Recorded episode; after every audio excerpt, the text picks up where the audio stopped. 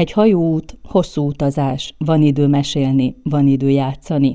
A Fekete-Fehér című monodráma szereplői, a mesélő, dr. B. az ügyvéd, Centovics a sakvilágbajnok és a skót bányamérnök McConnor pontosan ezt teszik. Aztán ott van egy másik helyszín, a hotelszoba, akár egy börtöncellája, ott is van idő mesélni, van idő játszani.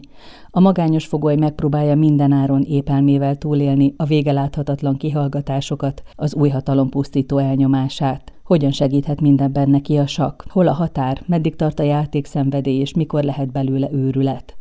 Légrádi Gergely írt Stefan Zweig saknovella című művéből monodrámát, Göttinger Pál játsza, és Újmészáros Károly rendezte. Vajon mi fogta meg a neves színházi és filmrendezőt ebben a darabban, ami egyébként olyan lett, hogy az első pillanattól szinte magával sodorja a nézőt? Egyrészt érdekes volt, hogy ezeket a karaktereket majd hogy tudja Göttinger Pali megjeleníteni. Az is érdekes volt, hogy ugye Göttinger Pál elsősorban rendező, színház rendező és nem színész, Úgyhogy ez számára is egy, egy jelentős kihívás, bár már nyilván tapasztalt ezen a téren is, de mégis ez egy ilyen érdekes dolog volt, hogy milyen egy rendezőt rendezni. Ráadásul egy nálam sokkal tapasztaltabb színház rendezőt, aki nálam kb. tízszer annyi darabot rendezett.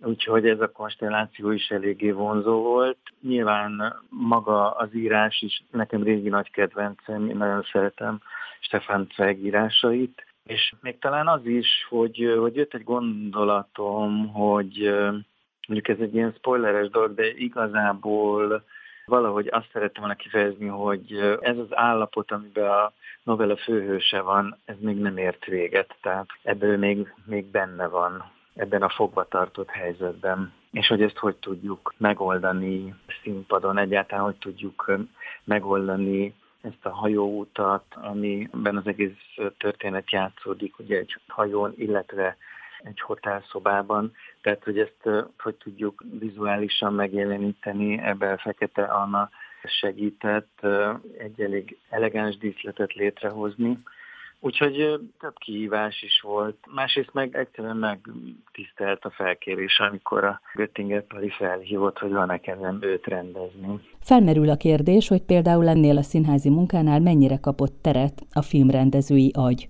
A színpadon minimális a kellék, egyetlen színész van és hangeffekteket hallunk, mégis hihetetlenül mozgalmas, amit látunk, az éles váltások, mintha vágások lennének egy filmben. A hangok azok nagyon segítenek, hogy éppen hol tart a szereplő a történetében, és hogy kit látunk, nyilván a karakterek megjelenítésén túl. Én azt gondolom, hogy a színházban, a színpadon, bár igazából egy snittet látunk, a néző azért vág, és van, amikor egy kis részletét figyeli a színpadon történteknek, van, amikor az egészet látja, és ezt egyébként mi rendezők és színészek tudjuk segíteni, hogy mikor mire figyeljen oda a néző, tehát tudjuk igazából orientálni az ő figyelmét. Nagyon egyszerű, gyors helyszínváltásokkal csak egy hangeffekt, hajó hangeffekt megszűnik, és akkor már kiesünk a hajóútból, és bekerülünk egy csendes hotelszobába. Tehát, hogy ezek a dolgok mind-mind segítenek.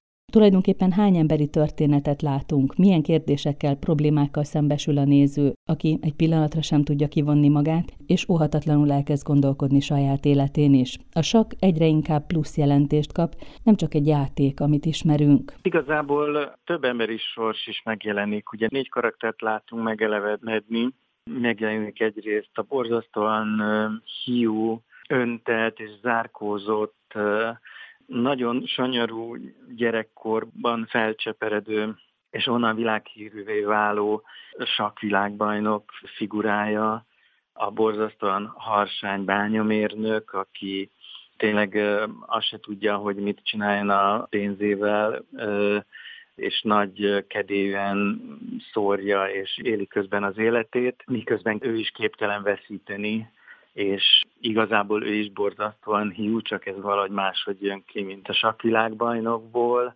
Van a mesélő, aki, mint a, most a popstárok rajongói, egy fiatal ember, aki nagyon furcsa dolgokat csinál, hogy megközelítse rajongásának tárgyát ezt a zárkózott sakvilágbajnokot. És van egy, egy nagyon érdekes figura, aki felveszi a harcot szinte akaratán kívül a sakvilágbajnokkal, és aztán talán nem árulunk el nagy titkot, hogy sikerül megszorongatnia, pedig ő a sakkot igazából kényszerből tanulta meg, hogy az elméjét karban tudja tartani egy hosszú fogság alatt. És igazából a sakk nyilván két dolgot is szimbolizál. Egyrészt azért, mert egy nagyon intellektuális játék, és pont ezért képes arra, hogy a szorult helyzetben lévő, fogságban lévő jogásznak segítsen az elméje épségét megőrizni a hosszú, magányos és vallatásokkal megszakított fogság alatt. Másrészt az, hogy neki önmagával kell egy idő után játszani, az pont egy furcsa paradoxon, képtelenség, hogy elfelejtse egyrészt azt, amit mint fehér lépett, és új stratégiákat találjon ki a fekete számára, stb., ami nyilván nem segíti úgy már, amikor elfogynak a játszmái, és önmaga által kitalált játékokat kell saját magával játszania.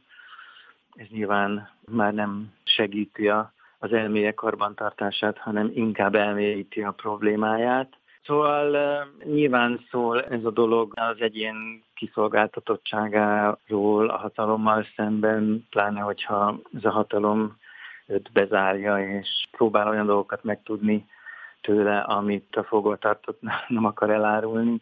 Tehát igazából igen, ez egy furcsa intellektuális játék a hatalom és az egyén között is, egyfajta sakkjátszma. Úgyhogy talán ezért mutat túl magán, és ezért is fordult a sakhoz az író, amikor megírta ezt a kis regényt. Érdekes kérdés, hogy a darabban miként jelenik meg a szorongás vagy a félelem, ami egyébként manapság sokunk életének állandó kísérője lett. Nyilván egy világbajnokká vált, nagyon hívő és nagyon zárkózott ember, aki betör egy intellektuális világba tényleg a névtelenségből, és, és legyőz mindenkit, és mégsem tud igazából ennek örülni, nem tud feloldódni, emberi kapcsolatai tulajdonképpen nincsenek, csak a saját szobrát építi.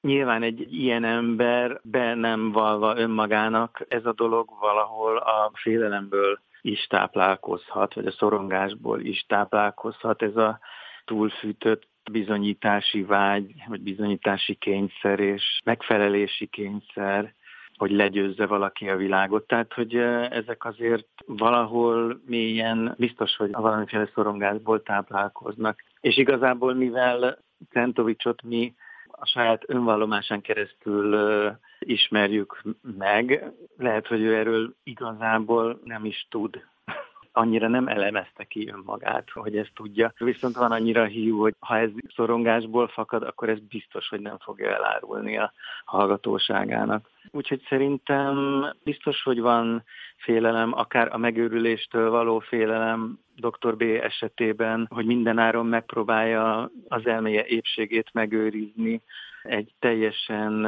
elszigetelt helyzetben, ahol nem tud semmihez sem nyúlni, nincs társasága, nincs olvasnivalója, jegyzeteket sem tud készíteni, tehát hogy egy teljes elszigeteltségben él, és ez nem egy könnyű helyzet, mindig ugyanazon a helyen bezárva lenni, ha még ez nem is egy sötét tömlőc, hanem egy hotelszoba, azért ez, ez nagyon nyomasztó tud lenni. Vannak ezek a furcsa, elszigetelt helyzetek, aminek a, a csúcsa talán ez a kád, ami sós vizet tartalmaz, nem jut be hang, fény, és az ember még a saját testét sem érzi, mert egy sós víz tetején úszik, és ebben a tartályban létezni mindenféle inger nélkül is egy idő után borzasztóan megterhelő a pszichének.